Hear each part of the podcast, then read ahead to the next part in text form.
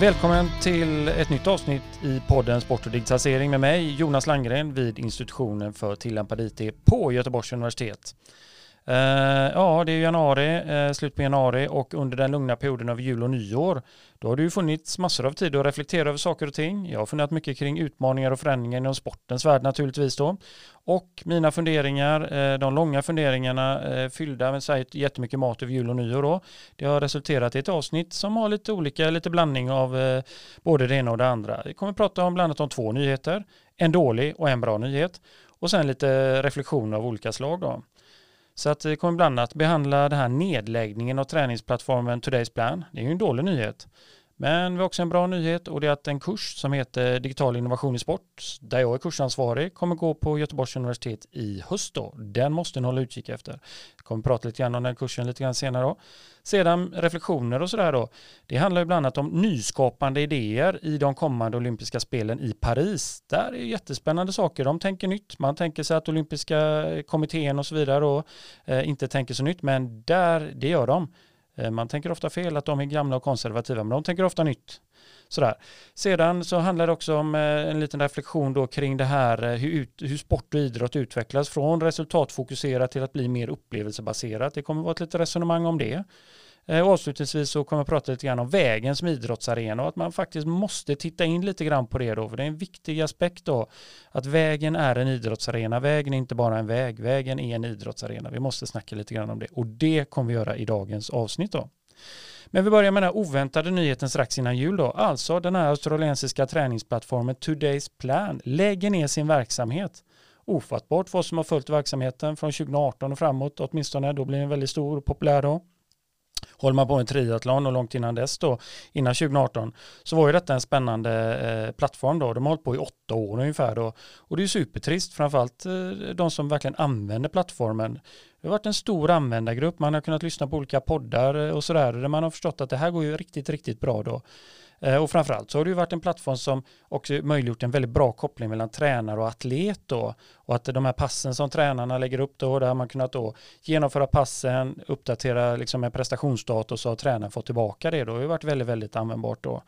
Um, men det visar sig att Today's Plan eh, har ju liksom vid tidigare skede då eh, varit uppköpta av något som heter Zone 5 Ventures ett amerikanskt eh, på något sätt startup-företag, eh, lite venture capital låter det som då, med kontor, eh, fashionabla kontor naturligtvis i fantastiska Boulder i Colorado då. Men detta är ett bolag som när man googlar det nu då, då kan man inte ens hitta det på webben. Det verkar ha försvunnit från webben då. Lite, lite märkligt det här, men en så här stor och, och populär träningsplattform behöver lägga ner. Här måste det ha hänt saker och ting och jag tror att vi kommer få se fler nyheter kopplat till det här längre fram då. Uh, Ja, vad ska man säga mer om Today's Plan, att de försvinner? Det är ju supertrist då, men det blir också intressant att se om det blir följdeffekter för alla de företag som byggt tjänster ovanpå Today's Plan plattform då. För de hade ett plattformstänk, de hade en sån white label-lösning. Så att andra bolag, alltså du och jag hade kunnat starta ett, ett företag som använder sig av eh, Today's Plan plattform och Eh, brandar eh, den på egen hand då och så når våra atleter då. Så vi får ju se om det kommer upp några nyheter i Sverige och Europa kring det här då, alltså konsekvenserna av att en plattform går under då, om den nu går under. Det vi vet är att de lägger ner verksamheten, vad det innebär egentligen kanske vi inte riktigt förstått riktigt ändå. Vill man läsa mer om Today's Plan och nedläggningen så googla DC Rainmaker. Har du inte koll på DC Rainmaker ännu så kommer du få det nu om du googlar det och då kan du läsa lite korta eh, och kloka reflektioner som DC Rainmaker gör i frågan då. Ja, det var den tråkiga nyheten. Den goda nyheten. Eh, kursen Digital innovation i sport. Eh, jag har haft en kurs i några år. Eh, några år, det är väl två gånger tidigare, två år tidigare, som handlar om digital innovationer, digitalisering i sport och så vidare. Då. Och nu i vår, när det är dags att hitta och söka in till utbildningar och kurser på universitetet, så håll utkik efter kursen Digital innovation i sport eller Digital Innovation i Sport.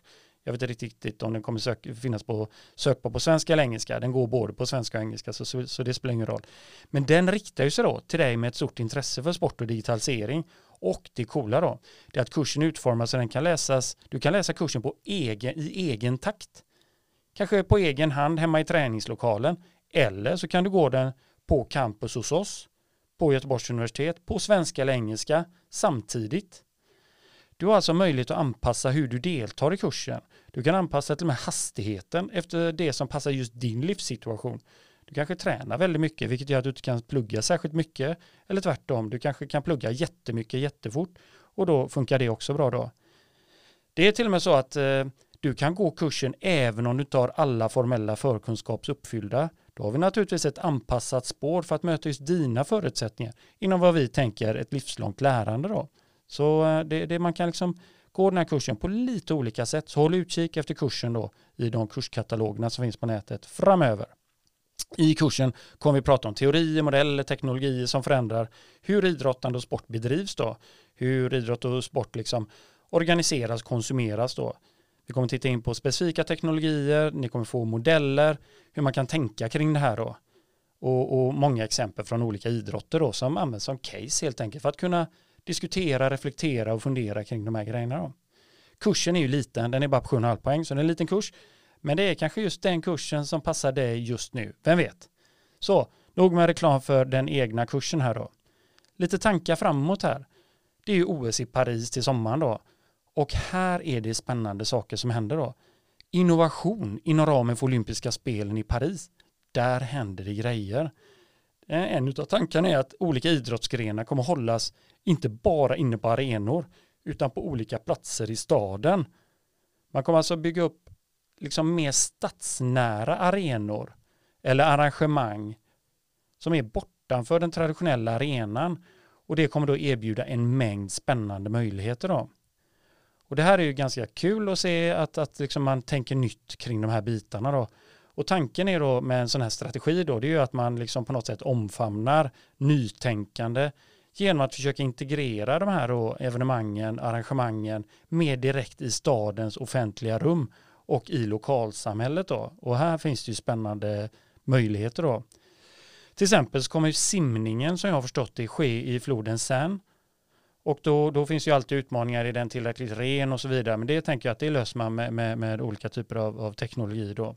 Triathlon, eh, triathlon kommer ske eh, på vid, eh, på Eiffel, inte på Eiffeltornet, men vid parken runt Eiffeltornet och så vidare. Så att man flyttar liksom ut olika aktiviteter från den klassiska traditionella arenan då och skapar någonting annat då. Och det här möjliggör liksom en ny nivå av allmän tillgänglighet och deltagande då. Kanske inte deltagande i själva idrottandet, men deltagande i att ta del av idrottandet då. Och det här är ju superspännande då. Och när man då tar idrottsevenemangen ut till gatorna, parkerna och andra offentliga platser, då blir ju OS mer synligt och tillgängligt för en bredare allmänhet och det ligger antagligen rakt i linje med vad, vad olympiska kommittén vill, eh, vill uppnå då. Och då handlar det om att då kanske saker och ting som biljetter och tillträde till arenan eller det som uppfattas som en arena, att man kan öppna upp det lite grann och, och förbättra den typen av, av eh, tillgänglighet helt enkelt då. Vissa menar på att det kanske också kommer eh, förändra interaktionen mellan idrottare och publik. Och här vet jag ju att det finns exempel från att man till exempel har kört eh, stavhoppstävlingar väldigt nära inbäddat på en, en, en, en gata i, liksom i en stadsdel i ett kvarter och där liksom kört tävlingen på, på ett eh, väldigt eh, arenafritt sätt och med en väldigt stor närhet då. Och det, det skapar då vad man, många skulle hävda då en mer inkluderande och engagerande upplevelse för alla då. Det är inte säkert att det blir riktigt så, så vackra ord eh, som, som man kan stämpla detta med, för det finns säkert tillträde ändå kring detta då. För att här kan man eventuellt fundera kring säkerhetsaspekter då, då det är ganska oroligt i vår nära omvärld då. Men det här är ganska spännande hur man då kan jobba med tillgänglighet och deltagande då kring idrottandet, tävlandet då. För andra ger det väl antagligen unika möjligheter för stadsutveckling eh, och kring stadsplanering och så vidare. Nu är inte det mitt favoritämne eller min expertis, så det vet jag inte. Men jag kan tänka mig att den här typen av arrangemang kräver kreativa lösningar där man liksom drar nytta av lokalsamhällets resurser kopplat till idrottandet. Och Det kanske på sikt kan leda till förbättrad infrastruktur, offentliga utrymmen eh, och så vidare och att det liksom på något sätt är idrottsarenor som ligger kvar i lokalsamhället på ett annat sätt än samlade på ett ställe bortanför lokalsamhället då. Eh, och jag tänker att det här kan inspirera andra städer att tänka nytt om hur offentliga utrymmen kan användas då. Vi får ju kanske fundera på om det ska vara ett kommande avsnitt kring det då. Den tredje grejen är ju marknadsföringsmöjligheterna då. Jag kan tänka mig att hur vi konsumerar idrottande då, det, det förändras om om, om liksom arrangemanget som sådant hamnar mycket mer ut i det lokala. Då. Här skulle man kunna tänka sig, kanske inte i samband med OS, men att lokala företag får en helt annan access. Då. Jag tänker mig kanske att det snarare är nationella tävlingar eller distriktstävlingar, lokala tävlingar. Där skulle man kunna jobba med eh, att, att, eh, hur vi kan organisera och, eh, och förmedla idrottsarrangemang i nära symbios då med lokalsamhället. Då. Det, det tror jag man, man skulle kunna uppnå på, på olika sätt och det skulle då utveckla eller skapa ekonomisk utveckling och turism menar de som är entusiastiska i de här bitarna. Då. Jag tänker att det naturligtvis också leder till nya typer av digitala plattformar där man kan följa tävlingarna, bidra till tävlingarna, alltså inte bidra till själva tävlandet, men bidra till att sända tävlingar och så vidare. Social media har en enorm roll i detta då och skulle kunna bidra i realtid med, med mer media helt enkelt då, med mer material då. Sen kan man tänka sig då att, liksom att genom att förändra det traditionella formatet i för de olympiska spelen så, så öppnar vi upp för kreativitet. Det kan ju leda till nya insikter som vi inte visste innan vi testade de här bitarna då och kanske är det så att även om den här innovationen och kreativiteten sker inom ramen för den absolut största idrottsliga arrangemangen då så kanske det blir så att det, det också kan eh, landa ner eh, eh, insikter som funkar även i, i, det, i det lokala sammanhanget kanske för den nationella idrottsindustrin eller lokalsamhället då. Så här gäller det att hålla utkik lite grann efter vad det är som är möjligt då och vad som kommer fram i olympiska spelen då.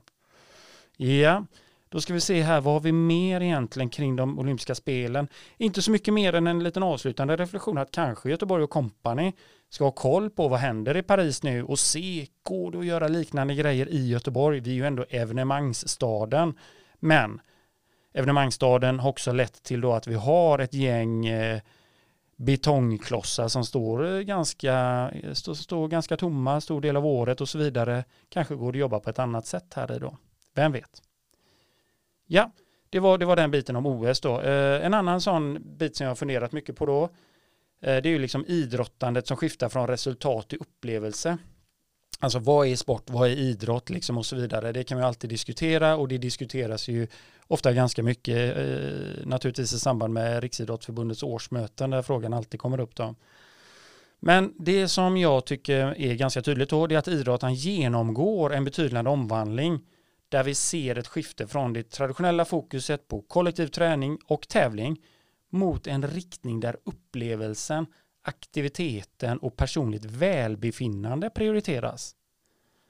Så bort från det kollektiva tränandet och tävlandet till där det är liksom upplevelsen och det personliga är liksom mycket mer i fokus då. Den här trenden, det, jag tror att det reflekterar en bredare kulturell förändring som värderar hälsa, gemenskap, gemenskap och glädje framför konkurrens och prestationer då. Eh, exempelvis ser vi inom löpningen så har ju detta manifesterats genom de motionsgrupper som tränar tillsammans där den lokala och ofta eh, eh, fascinerande och, och, och, fantastiska löparcoachen finns då. Man tränar tillsammans, det är upplevelsen som är det viktiga då, där betoningen ligger på det sociala samspelet, individuell hälsa, snarare än tävlingsaspekten då. Det här är spännande och, och det öppnar ju också upp för massor av nya tankar och möjligheter då. Den här förändringen den ser man också i andra fysiska aktiviteter och det är nu det bara blir spännande då. Är alla fysiska aktiviteter idrott? Nej, det är det inte. Är alla fysiska aktiviteter sport och så vidare? Nej, det är det inte. Men det finns liksom ett spännande gränsområde här. Kollar vi in på yogan till exempel, så, som, som är liksom globalt extremt populär då och, och liksom växer och håller på då.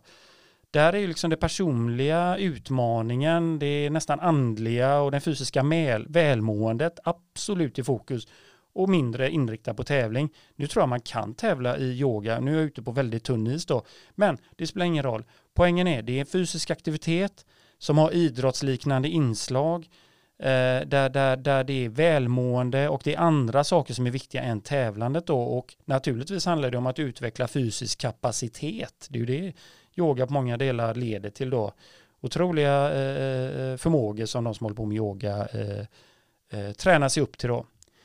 Sen finns det då liksom sådana här gemenskapsdrivna aktiviteter utanför yogan. Då kan vi ta en, en mer liksom lite mer traditionell sport och idrott här då. Gruppcykling. Man går på spinning. Det är ju liksom att gå på spinning. Det är klart du kan tävla i gruppcykling på något sätt, men det handlar om någonting annat. Och det tycker jag är fascinerande här och att det, det handlar om gemenskap och, och, och upplevelser då.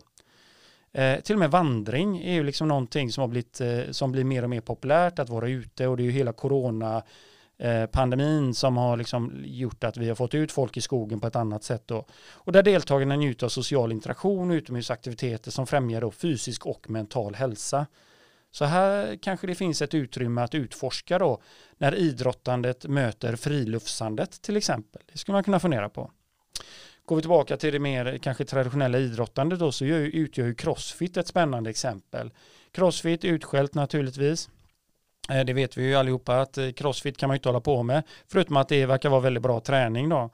Ehm, där finns det ju massa tävlingsmoment också. Jag menar, kollar vi på Crossfit Games så är det otroligt coola tävlingar, absolut. Men många skulle hävda att den främsta liksom, delen och poängen med att hålla på med Crossfit är ju gemenskapen och den personliga utvecklingen som sker i den lokala boxen där, där, liksom, där det är individens framsteg som firas. Så att här, här är Crossfit ett spännande exempel på som både omfamnar då både eh, tävlandet men också då den här gemenskapsbiten, och upplevelsen som är så himla viktig då. Eh, virtuell träning genom appar och online-plattformar också liksom omformat ett landskap och skapat ett landskap där, där liksom träningen, personlig utveckling står i centrum snarare än tävling då. Eh, det traditionella och kanske traditionstyngda idrottandet då skiljer sig från de fysiska aktiv- eh, skiljer sig från de alltså, fysiska aktiviteter som jag precis nämnde genom att liksom, det traditionella och traditionstyngda idrottandet är organiserat och har en tävlingsinriktad natur då med klara regler, definierande mål som då liksom ska leda till att man kan liksom få resultat i vinnare och förlorare och så vidare. Då.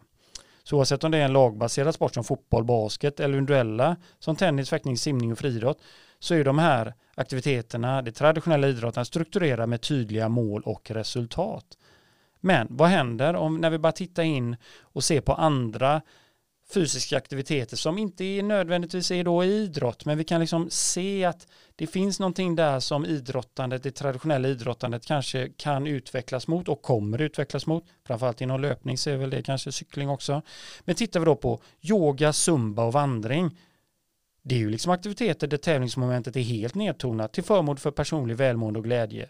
Yoga, som tidigare nämnt då, Sträva efter balans, harmoni, zumba fokuserar faktiskt på fitness och nöje genom dans. Eh, vandring betonar naturen och äventyret och personlig tillfredsställelse väger tyngre än konkurrens då. Eh, roligt med vandring är ju det att eh, jag tror det är 1800-1900-tal där, då var ju vandring en tävlingsidrott inom ramen för pedestrianismen. Och här kan du kolla in på Lagom kondition då, podden Lagom kondition med Erik och Niklas de har intervjuat en kille som heter Daniel Westergren då från podden Ultraaktuellt där det diskuteras hur liksom bakgrunden, historien bakom eh, ultralöpning och där nämns bland annat då pedestrianismen då. Så att det är spännande då. Okej, okay. då ska vi se här.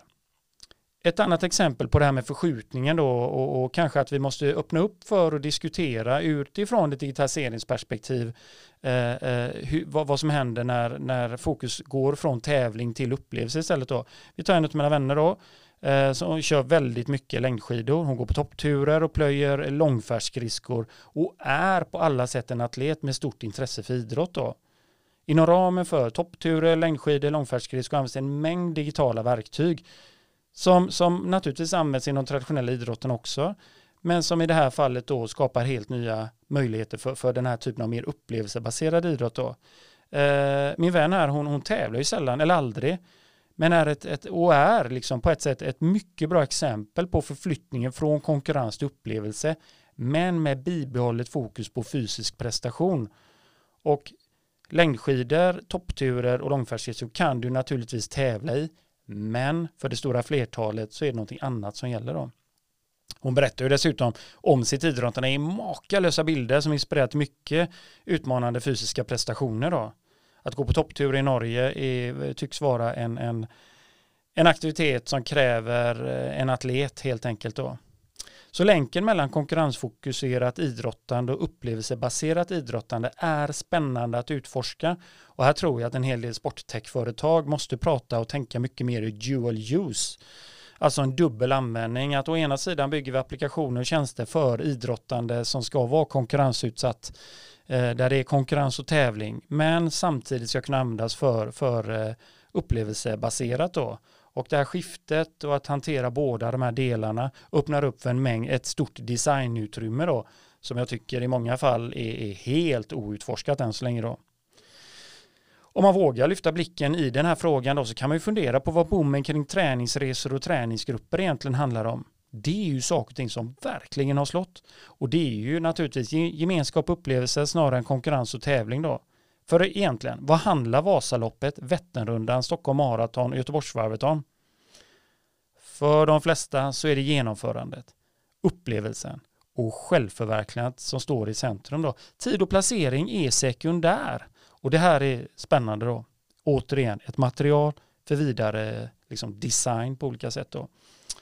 Så att eh, medan konservativ och kanske förändringsobenägen sport och idrott tenderar att vara resultatdrivna så öppnas här då ett spännande område upp där fokus ligger på fysiska aktiviteter och upplevelsen. Då. Det här markerar en förändring i hur vi värderar och engagerar oss i fysiska aktiviteter idag. Mental hälsa till exempel, eh, att vi ska också ha en bra fysisk hälsa, både fysisk och mental hälsa. Här kan vi ha saker och ting att jobba med. Då. I detta nya finns ju en mängd möjligheter till nytänkande. Och, och hur man ska tänka här, det, det, är alltid lite lurigt, men här gäller det att utmana föreställningar då.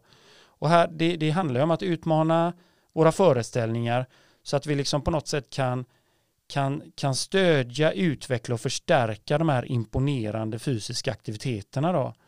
Och, och, det kan ju till och med vara så att, att med hjälp av ett digitalt material så kan vi till och med definiera nya sätt att överhuvudtaget tänka kring de här nya fysiska aktiviteterna. Kanske skapa en fin länk mellan upplevelse och tävling på ett sätt som, som det traditionella inte klarar av då. Det är, ju naturligtvis, det är ju naturligtvis så att det inte är antingen resultat eller upplevelse. Det är en balans där det ena ger möjlighet för det andra. Så här gäller det hela tiden att hålla två, två tankar i huvudet samtidigt. Då. Inom löpning och längdskidåkning är ju den här balansen helt uppenbar. Ta tävlandet i Ski Classic långloppscup då på skidor. Det skapar ju ett intresse för längre skidåkning. Inte nödvändigtvis tävling, men längre skidåkning, alltså den längre prestationen och så vidare. Inom löpningen så är UTMB-tävlingarna men också ultralopp som Sandsjöbacka Trail Run som gick nu i helgen.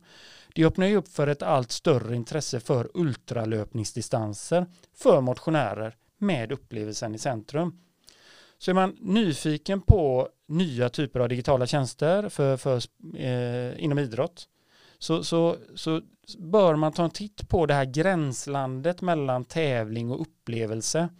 Vissa skulle säga att tävling och upplevelse eh, hänger väldigt hårt ihop. Jag skulle vilja separera dem, kanske av det här analytiska skälet för att få isär lite grann det konkurrensdrivna och det andra självförverkligande delarna då.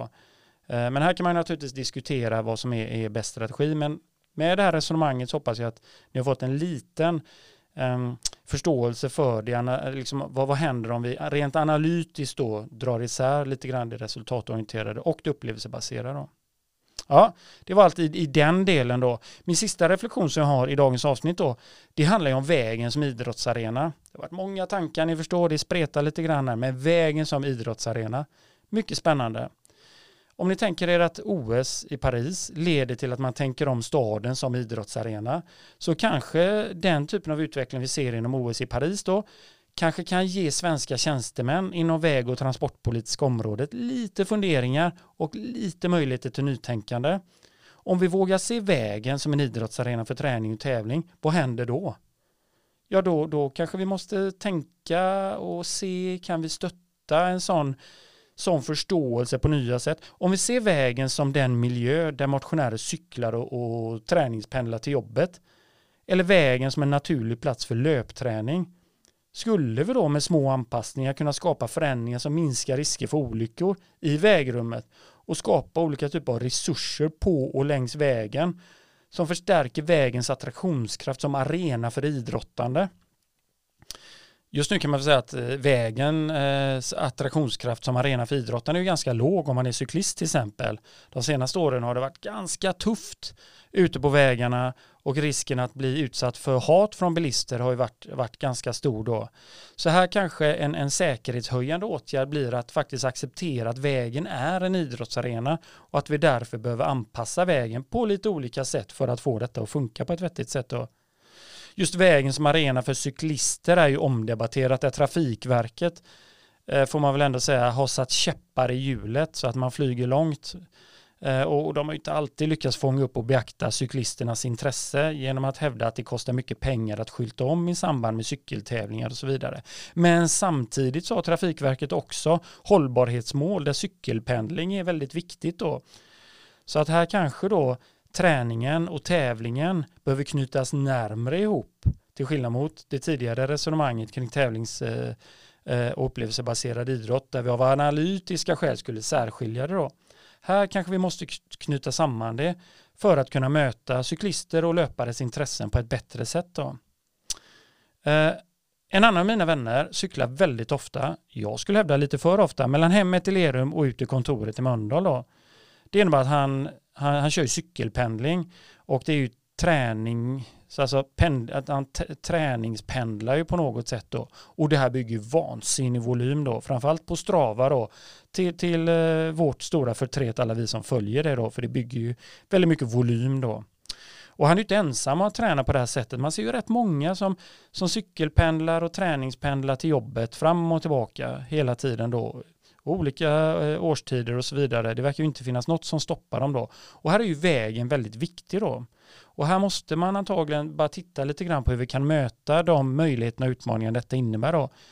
Och det skulle ju krävas en ganska liten insats i en geografisk region som Göteborg att synliggöra allt detta idrottande som sker varje dag. Alltså till och från arbetet, innan och efter arbete av löpare och cyklister då. Träningsplattformen Strava sitter ju på massor av data som med hjälp av ett enklare trollspö eller en kunnig systemvetare kan omvandlas till agerbar data för idrottspolitiska beslut kring hur vägar skulle behöva utvecklas, anpassas och förstärkas med nya ekosystemtjänster som främjar idrottandet. Då. Och jag hoppas att vi kan fördjupa oss i detta ämnet lite grann i ett framtida avsnitt. Då. För här får vi nog ta en titt på lite grann vad händer inom vägområdet och så vidare. Detta är ju trots allt en reflektion ifrån jul och nyårsledigheten. Då. Men med detta så hoppas jag att ni kan se att när vi pratar sport och digitalisering så handlar digitalisering inte alltid om tekniska aspekter kring en sportklocka eller en sensor som vi sätter fast på kroppen eller höghastighetskameror som mäter en det ena än det andra. Vi kan också zooma ut och titta på staden. Vi kan titta på, på, på liksom infrastruktur och förstå att idrottandet behöver eh, behöver diskuteras utifrån ett digitaliseringsperspektiv där vi använder digital teknik för att bättre förstå aktiviteterna som sker där ute men också att vi kan skapa digitala tjänster för att förstärka, utveckla och definiera det idrottandet som sker då. Och att idrottande inte alltid behöver vara tävlingsinriktat utan den upplevelsebaserade delen är ett spännande område att fundera mer kring då. Så med dessa nyheter som jag hade och reflektioner så tar vi sats i ett 2024 som på många sätt kommer att överraska och fascinera. Så håll er friska, ladda er sportteknologi så ses vi i ett kommande avsnitt. Ha det bra så länge. Hej då!